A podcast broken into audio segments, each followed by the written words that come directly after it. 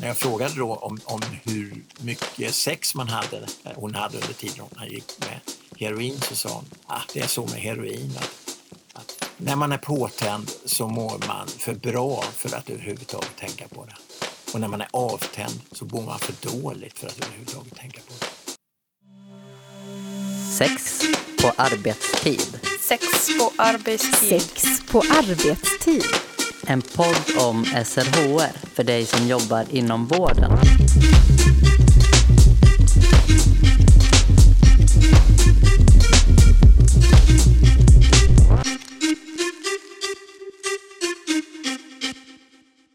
Massa lust, ingen lust, en kropp som strejkar, prestationsångest, skam, skuld. När narkotikaanvändning leder till missbruk påverkas hela livet, även sexualiteten. Lusten kan påverkas och även förmågan att ha sex. Ett missbruk kan även innebära en särskild sexuell riskutsatthet. Trots de många kopplingarna så pratas det ganska lite om sexuell hälsa och missbruk. Vi har därför bjudit in Bengt Svensson som har forskat om hur missbruk av tyngre droger kan påverka människors sexuella hälsa och hur sexualiteten kan påverkas när personer slutar med droger. Jag heter Elin Klingvall och jag gör det här avsnittet tillsammans med Anna Skoglund. Du Bengt sitter med oss på länk från Skåne där du också är professor i socialt arbete vid Malmö universitet. Välkommen till Sex på arbetstid. Tack så mycket. Och du har ju forskat mycket om sexualitet och däribland kopplingen mellan missbruk och just sexuell hälsa. Och det är ju det vi ska prata om idag. Hur kommer det sig att du liksom började intressera dig för det här området? Det hänger samman med att jag har en bakgrund som socialarbetare innan jag blev forskare. Och I många år jobbade jag med socialt arbete och jobbade större delen av den tiden med personer som hade ett narkotikamissbruk. Då. Och för länge, länge sedan, 1985, så läste jag en bok då som eh, hette Sexualitet och missbruk, där man då beskrev hur de problem som det innebar att eh, klara av sex efter det att man har lämnat ett missbruk, då man alltid hade varit påverkad när man hade sex. Så att den boken den hängde kvar i mitt minne, i, i, liksom någonstans i bakgrunden. Och jag kom då att diskutera ett projekt om vad som, eh, hur livet ser ut efter missbruket tillsammans med Anette Skåne, som numera är professor i socialt arbete vid Göteborgs universitet. Vi, vi känner varandra sedan länge. Hon är också gammal socialarbetare. Hon kom också ihåg den här boken. Och då kom vi fram till att vi, vi, vi borde nog inte, inte rent allmänt bara undersöka vad som händer efter det att man har lämnat ett missbruk, utan vi borde koncentrera oss på, på, på sex då. Va? Eh, och se om det har blivit någon förbättring sedan 1985. Och så sökte vi forskningspengar flera gånger. Till slut så fick vi pengar och så kunde vi göra den här studien då där vi intervjuade 35 personer i Malmö och i Göteborg om deras sexualitet under missbruket och efter missbruket.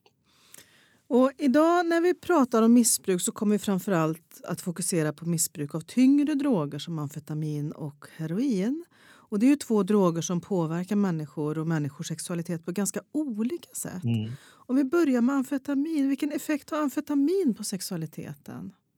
Alltså amfetamin är ett centralstimulerande preparat som stärker alla sinnesintryck och den, den stärker också de, de sexuella känslorna.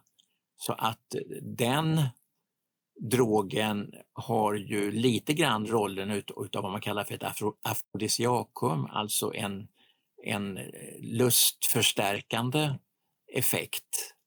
Och det innebar ju då att eh, de här personerna som vi intervjuade hade rätt mycket positiva erfarenheter utav amfetamin och sex också. Sen hade de rätt negativa erfarenheter av amfetaminet i sin helhet. Va? Men alltså det är, eh, någon sa att amfetamin är en sexdrog och, och det, det, är nog den bilden som den har bland personer som håller på med amfetamin. Hur påverkar amfetamin på längre sikt? Eh, alltså man kan ju säga att så länge man har kontroll på intaget, alltså och eh, inte tar i, nästan varje dag eller i, i, i intensiva perioder, så, så, tycks man kunna hantera eh, sexualiteten eh, så att, att den fortfarande blir en slags höjande effekt eh, på känslorna. Men om går man in i ett tungt, långvarigt missbruk av amfetamin, då påverkas ju kroppen i sin helhet. Alltså, amfetamin är ju hungerdämpande så att, att många blir avmagrade och man blir eh, i sämre och sämre fysiskt skick och det påverkar ju också jag ska säga, intresset för att, att ha sex. Va? Men, alltså, allmänt sett så, så, är det ju ändå så att har man börjat med, med amfetamin eh, i samband med sex så fortsätter man med det. Och om man tittar på heroin då, hur påverkar det sexualiteten? Ja, heroin är ju då centralt dämpande så att den dövar känslor överhuvudtaget och tar ju också bort smärta vilket är eh, en av finesserna med opioider. Och det innebär att den då också eh, dämpar eh, den sexuella lusten eh, ganska påtagligt. Så att de personer som var intervjuade som hade haft ett primärt heroinmissbruk, de sa att, att sexualiteten den försvann undan för undan i, i missbruket. En av de kvinnor som jag intervjuade som hade en, en lång erfarenhet utav heroinmissbruk. Eh, när jag frågade då om, om hur mycket sex man hade, eh, hon hade under tiden hon gick med heroin, så sa hon, gick på heroin, så sa hon ah, det är så med heroin att när man är påtänd så mår man för bra för att överhuvudtaget tänka på det. Och när man är avtänd så mår man för dåligt för att överhuvudtaget tänka på det. Och hur kan man se att, att eh, ett missbruk då av exempelvis amfetamin men kanske även heroin, hur det, hur det påverkar förmågan eller viljan att ha mer intima relationer? Alltså man, man blir ju utav allt typ allt, all typ av missbruk skulle jag vilja säga, allt mer egoistisk. Alltså det är också så med alkoholmissbruk, att man är, ser till sina egna behov främst. Och utav de vi intervjuade så var det flera som beskrev det här att de hade relationer med, det var då män som sa att de hade relationer med kvinnor som inte själva höll på med amfetamin. Och det blev ju ska vi säga, en konstig typ av sexualitet och också en, en konstig typ av relation. Och, och jag minns en man som sa då att, att min tjej hon sa att du får välja mellan mig och amfetaminet. Och ja, då sa han jag valde amfetaminet. Så att någonstans så i det här självupptagna som, som missbruk ofta är då, så, så är det svårt att, att behålla kärleksrelationer. Det blir kanske lättare om det är någon eh, som, som själv håller på. Men, men om man då, som ju faktiskt inte är alltför ovanligt, också har eh, relationer med någon som inte själv håller på så, så, så tycks det spricka i längden. Om vi stannar kvar här, för vi kommer sen prata om personer när man liksom lämnar ett missbruk och vilka konsekvenser det eller påverkan det har på sexualiteten. Men om vi stannar kvar lite i det aktiva missbruket. Vad kunde dina informanter säga om deras erfarenheter och sin sexuella hälsa? Alltså vi, om vi tar då de, de som hade amfetamin som huvuddrog, eh, så eh, vad man då sa var att, att det här eh, ledde till ett, ett, ganska gränslöst sex.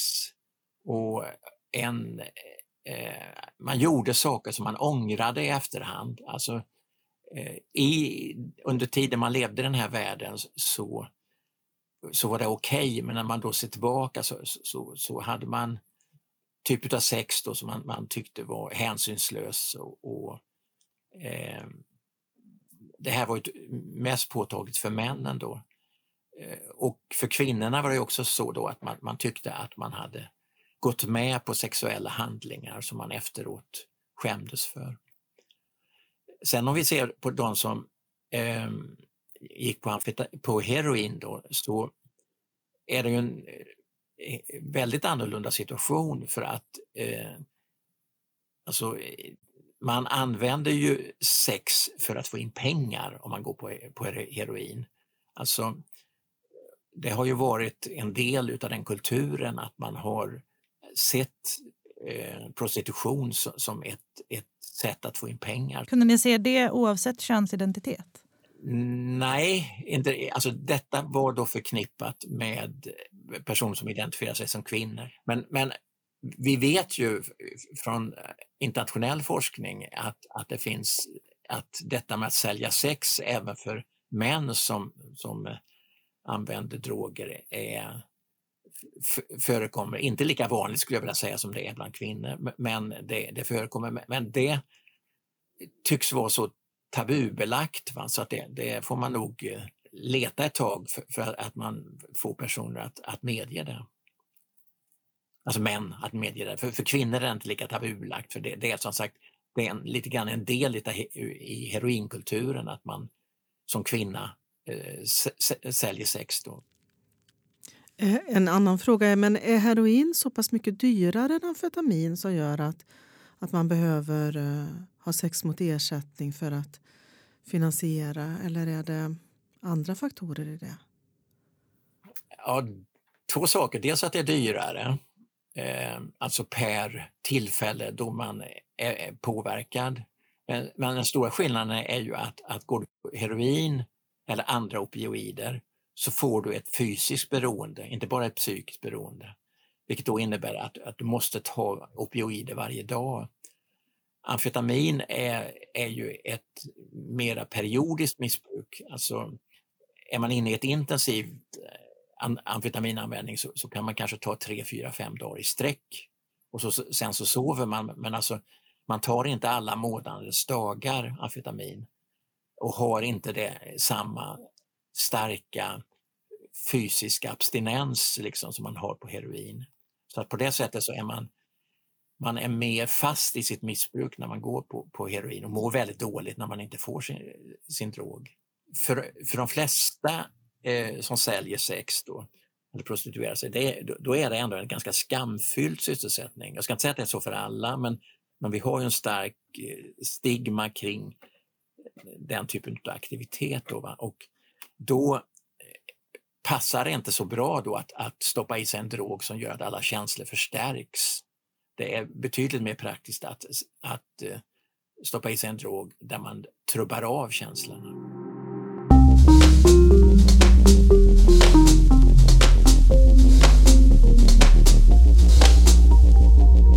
En del personer börjar ju väldigt tidigt med droger. Mm. Hur, hur, hur påverkar det personens eh, förhållande till sin sexualitet?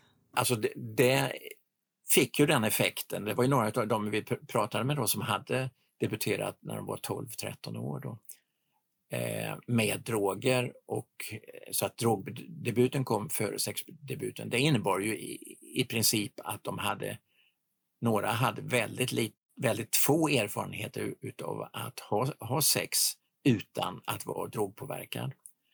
Och det gjorde ju då att de kände väldigt stor osäkerhet eh, efterhand hur man skulle hantera sex när man inte hade eh, hjälp av drogerna. Då. Och, och i, när jag pratar droger så har det varit då centralstimulerande droger som man använt sig. Sen, sen, finns det ju ett undantag som har blivit lite uppmärksammat, åtminstone här nere i Skåne nu nyligen, nämligen att man använder tramadol, att män använder tramadol om de har problem med tidig utlösning.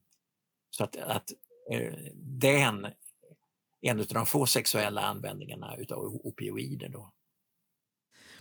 En del personer kanske har börjat sitt missbruk efter erfarenhet av sexuella trauman. Och andra har ju negativa erfarenheter av sex på grund av utsatthet under sitt missbruk. Mm. Men vad kan det få för påverkan och hur kan vi prata om det här inom missbruksvården? Eh, detta med sexuella trauman eh, var flera som berättade om och det vet vi från andra undersökningar. Det är en högre frekvens bland folk som har ett missbruk att, att ha, ha, varit med om sexuella trauman än befolkningen i övrigt. Och då kan ju då en e-, effekt bli att man eh, för att kunna genomföra ett sam, samlag så måste man berusa sig på ett eller annat sätt. Eh, och att och det var ju också då så att man, man, man klarade av eh, sexlivet genom att man alltid var påverkad. Men sen den dagen då, då man inte längre har den, det, det skyddet så, så är, då, då, dyker de sexuella traumorna upp igen. Då. Och då behöver man ju få hjälp med att bearbeta dem. Men då, är, eh, han, då krävs ju en specialistkompetens så att säga som man då får remittera till. Det är, ju, det är ju ingenting som vi kan räkna med att man ska kunna fixa inom en, en vanlig behandling. Nej, och där finns det ju traumafokuserad eh, behandling idag. Som, så det gäller att vara uppmärksam på att den möjligheten finns, såklart. Mm, mm. Men helt klart att detta är, det här är en, en grupp som det sexuella trauman är överrepresenterad. Ja. I er studie, kunde era informanter eh, berätta någonting om sina liksom, kontakter med hälso och sjukvård eller socialtjänst eller vidare där man kunnat lyfta frågor om sin sexuella hälsa på något vis? Dessvärre får jag säga att, att vi fick inte några sådana signaler att man hade fått hjälp. Utan eh, det var en, en lite sorglig bild som vi fick utav de här. Det var ju så att vi intervjuade då 19 män och 16 kvinnor som, eh, hade, som var drogfria men som hade haft ett tungt missbruk. Men det var ingen som kunde berätta om att jag har fått, fått hjälp med detta. Eh, jag har träffat någon som har, som har varit ett starkt stöd just kring sexualiteten. Utan de hade fått stöd på andra sätt och fått hjälp på andra sätt. Men sexualiteten, den, eh, den lämnades orörd. Liksom. Och vilken hjälp tror du skulle behövas? Eh, Alltså, jag tror att man behöver prata om sina erfarenheter. Eh, man behöver hjälp för att eh, bearbeta de skuldkänslor man har. Eh, och vad många signalerade av de vi, vi intervjuade var en, en bristande kunskaper kring sexualitet och också väldigt stor osäkerhet kring vad som är normalt. Och eh, Så att det finns ett behov på olika nivåer. Alltså en, en första enkel nivå är ju helt enkelt information. Eh, och, och sen eh, alltså då om vad som är vanliga sexuella praktiker.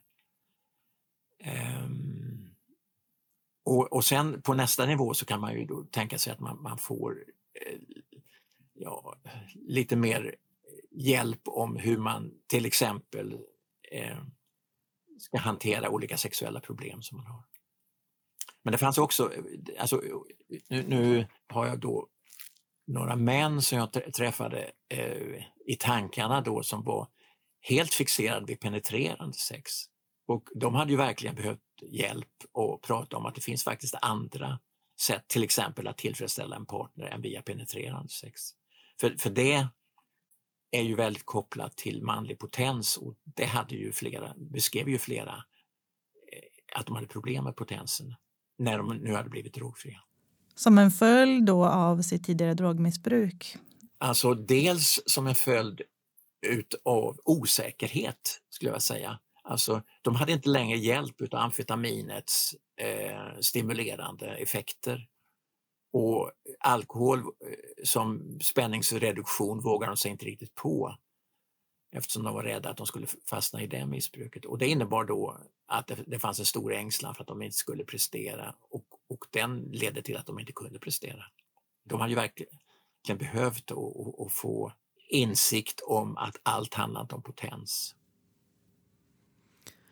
Eh, och det låter som att, att jag tänker det här, det vet vi ju att, att det finns en, eh, en oro många gånger inom hälso och sjukvården att prata kring sexualitet och sexuell hälsa. Vi, vi saknar det på grundutbildningar och så vidare som gör att det kan upplevas svårt eller man vet inte vart man ska hänvisa vidare. Men här kanske det också finns det också med det här stigmat att det är lätt att bara se en person med missbruk istället för att se en person med alla dimensioner. Mm. så att säga. Jo, men det är ju, det är ju en, en viktig aspekt. Alltså vi, vi har ju länge pratat om, om, vi har pratat om missbrukare som begrepp och det är ju någonting som vi som finns i den här branschen har, har slutat använda utan vi säger personer med missbruk för man är så mycket mer än bara ett missbruk. Va? Eh, och, eh, men jag tror att just det här som gör att personal, till exempel inom hälso och sjukvården, inte tar upp frågor kring sexualitet, det är att man eh, dels saknar egna kunskaper, sen kanske själv har sina, sin osäkerhet kring sexualitet och sen att man är rädd för att vad ska jag säga, kränka människor, att, att det är känsliga saker att ta upp. Va? Men, men, men eh, alltså, när man väl kommer igång och pratar, alltså, pratade med, med de här personerna så fanns det väl, verkligen ett uppdämt behov av, av att prata om, om sexfrågor.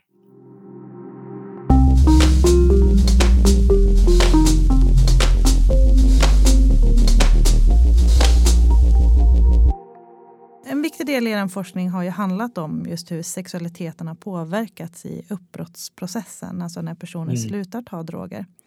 Vilka resultat kunde ni se där?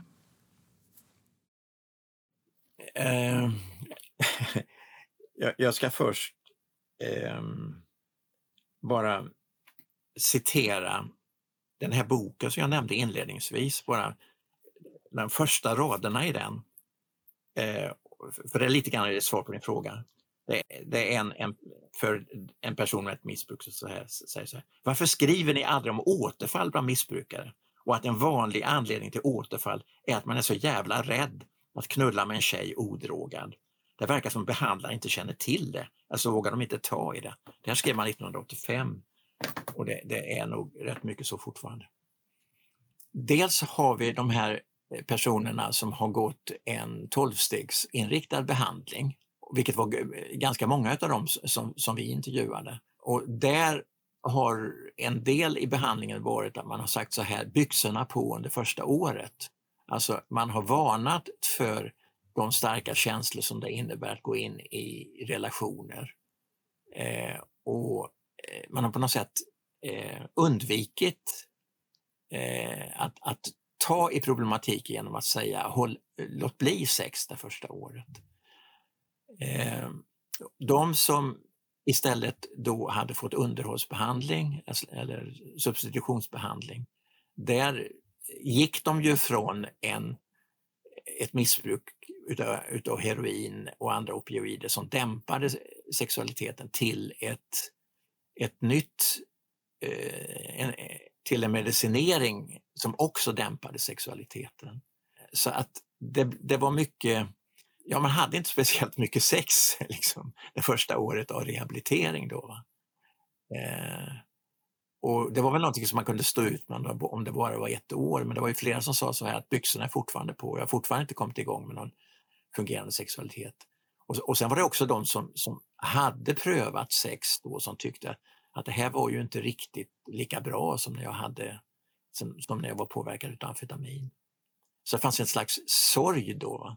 Och återigen så, så, tror jag då att man, man skulle behöva hjälp att vad ska jag säga, utveckla sin, sin sensualitet och sin, sitt, eh, eh ska säga, sin repertoar vad det gällde kontakter med en partner så att inte som sagt allt handlar om penetrerande sex. Men, men det här att man ska avstå ifrån sex, jag tänker det här utifrån tolvstegsprogram och så, var, var, vartifrån kommer det? Eller hur kommer, alltså, var, var, kommer de idéerna ifrån? Om vi tänker att liksom sex, sexualitet utifrån ett hälsoperspektiv, att det också kan få vara någonting positivt. Jag tänker ju mer positivt vi har i våra liv, kanske desto bättre.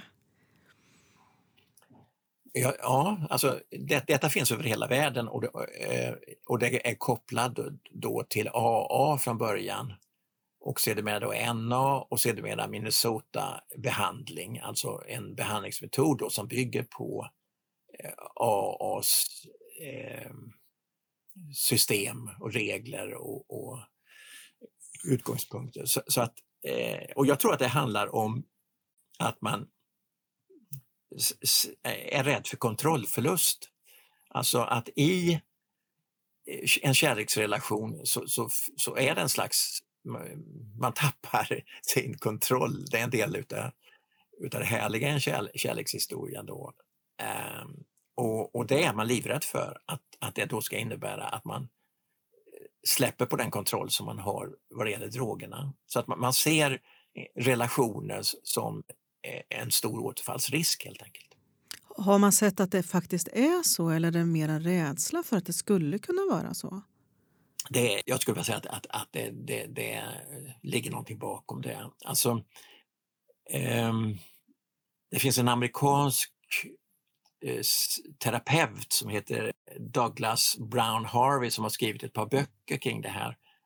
Eh, kopplingen mellan sexualitet och rusmedel. Och han, han går igenom hur eh, olika människor har olika eh, sexualitetshistoria och när han då konstaterar att, att sex i väldigt hög grad har, har varit förknippad med drogintag så, så Eh, framhåller han att detta ger en, en, en stor risk för återfall. Va? Så att, eh, eh, men, men lösningen är inte att låta bli utan lösningen är att, att prata om detta, eh, menar jag. Och, och det, alltså, då Brown Harvey jobbar, har jobbat väldigt mycket typ kring ett behandlingshem som, som, som har en, en tolvstegsliknande modell och han har ju då gått in och fått igång ett samtal kring hur sexet har sett ut under missbruket. Va? Och, så, och där man då har kunnat avdramatisera och, och därmed på något sätt minska riskerna för, för återfall. Men hur ser det ut i Sverige? Vilken hjälp finns idag för personer att man liksom kan hitta tillbaka till en god sexuell hälsa utan droger? Det finns faktiskt väldigt liten hjälp. Ehm, det är ett, ett u-land, om man nu använder uttrycket, men alltså här finns väldigt mycket att göra. Att, att få igång, eh, dels i den behandling som finns, att, att ta upp sexualitetsfrågor och sen också att vidareutbilda personal kring sambandet mellan droger och sexualitet. Så, så det, det, är ingen... Eh, eh de, de fort, lever fortfarande, Claes Heibel och Ingert Nilsson som skrev den här boken 1985. De skulle kunna skriva en liknande bok idag. Och vad tror du skulle behövas? I Malmö gör vi ju, drar vi vårt strå till stacken. Vi har ju en masterkurs i sexologi och en utav kurserna handlar om rusmedel och sexualitet. Eh, där vi tar upp den här problematiken och där vi också ger grundkunskaper så att man, när man har gått igenom vår kurs så, man, så, så, kan man klara ett par nivåer på, på att utbilda eh, personer som har haft ett, ett, ett drogmissbruk kring sexualitet. Eh, och på det sättet reducera skamkänslor och eh, ja, mindervärdighetskänslor och vad man nu kan ha, osäkerhet. Vår kurs är vad jag vet den enda i Sverige. Så det du tänker är att, att man både då behöver få bearbeta eh, negativa eller överhuvudtaget erfarenheter från sin sexualitet under då ett aktivt missbruk men också då hur man kan hitta andra sätt utan rusmedel?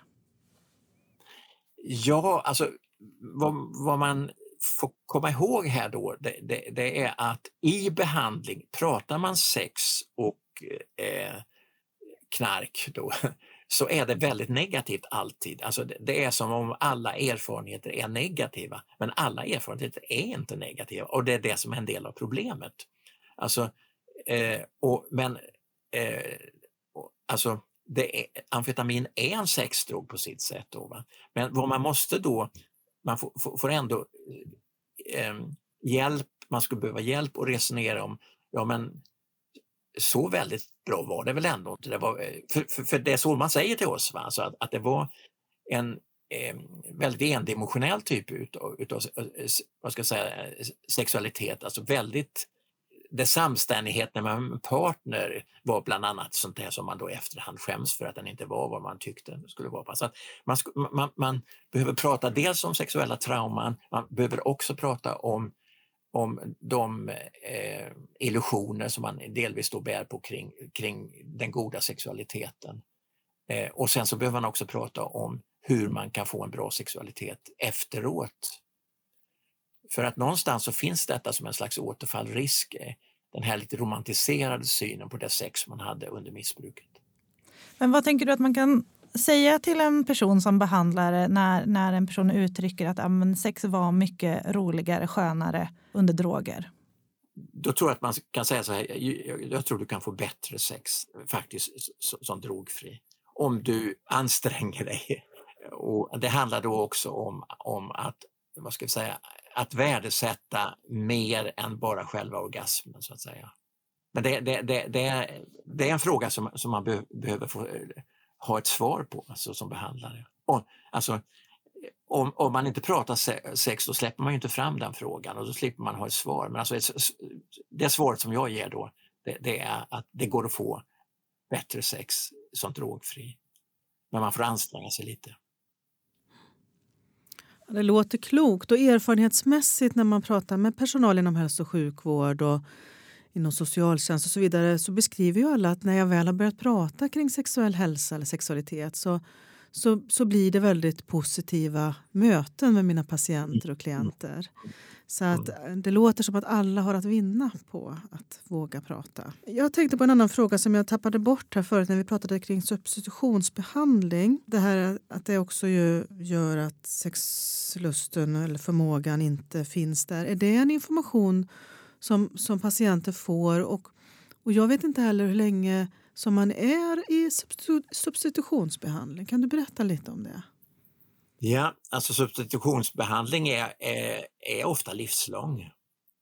Eh, och en av effekterna då är ju att eh, kroppens eh, hormoner förändras så att säga. Och, och bland annat då så, så får både män och kvinnor en lägre testosteronhalt och det går ju då ut över den sexuella lusten.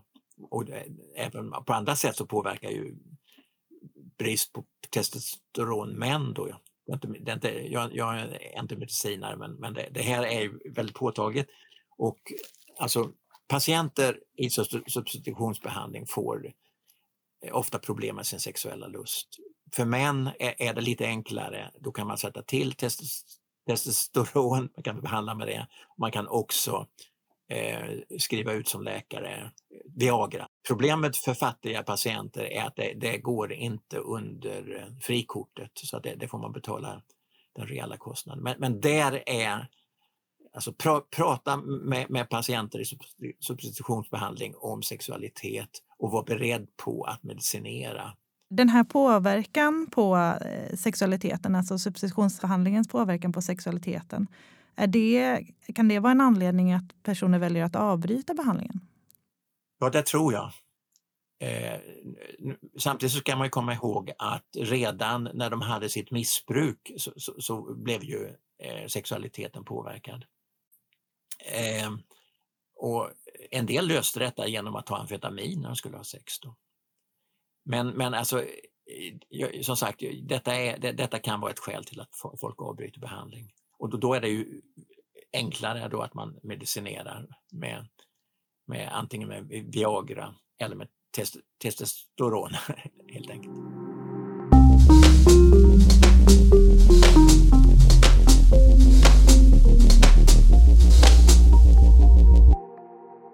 Vad skulle du säga är de viktigaste resultaten från er forskning? Jag tycker att det är att det finns en väldigt stark koppling mellan personer som har använt amfetamin och sex.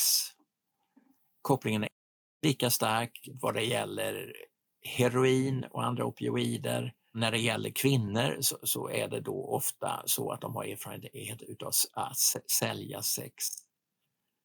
Eh, de personer som, som går i behandling eh, får i väldigt liten utsträckning hjälp med att bearbeta problemen.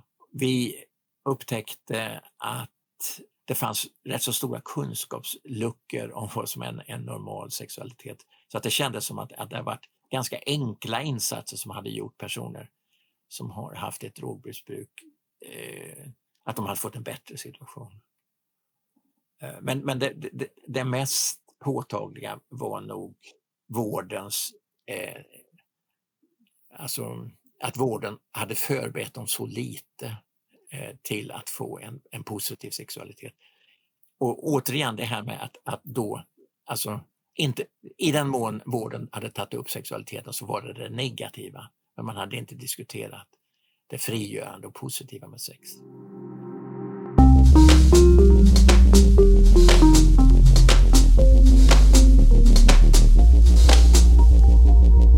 Vad tänker du är viktigt för hälso och sjukvårdspersonal att tänka på i relation till sexuell hälsa och till personer som är i ett missbruk? Att prata om det. Först får man skaffa sig en, en, sådana kunskaper så att man är trygg med att prata om detta. Så att man inte utstrålar osäkerhet och, och förmedlar eh, upprördhet eh, när, när, folk berättar om sina upplevelser. Utan man, man, man det, det, förhållningssättet är ju väldigt viktigt. så att det får man se till så att man skaffar sig ett förhållningssätt. Och, och, och sen eh, så att man, man kan lyssna in då. Eh, och sen, sen, ska man ju då ha eh, ett, vad ska vi säga, ett antal punkter som man då vill förmedla, alltså om hur ser en god sexualitet ut. Bland annat då är ju en viktig del, det är ju ömsesidigheten i förhållande till en partner. Och det, det tror jag är en av de stora bristerna i de här amfetaminindränkta samlagen. Och, alltså så att man, man, man, visar att man vågar prata om det, man, man försöker hjälpa till att få bort en del av skammen, man försöker att eh, förmedla kunskaper om att människors sexuella repertoar ser väldigt olika ut. Det är okej okay om man inte skadar någon annan och inte skadar sig själv.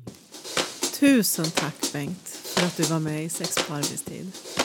Tack så mycket.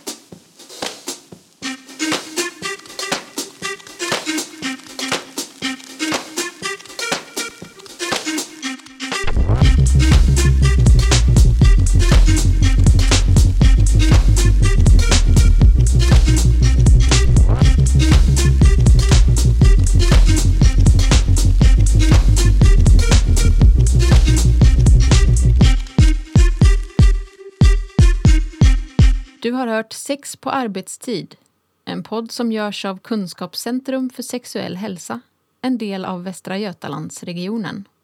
Producent var Elin Klingvall.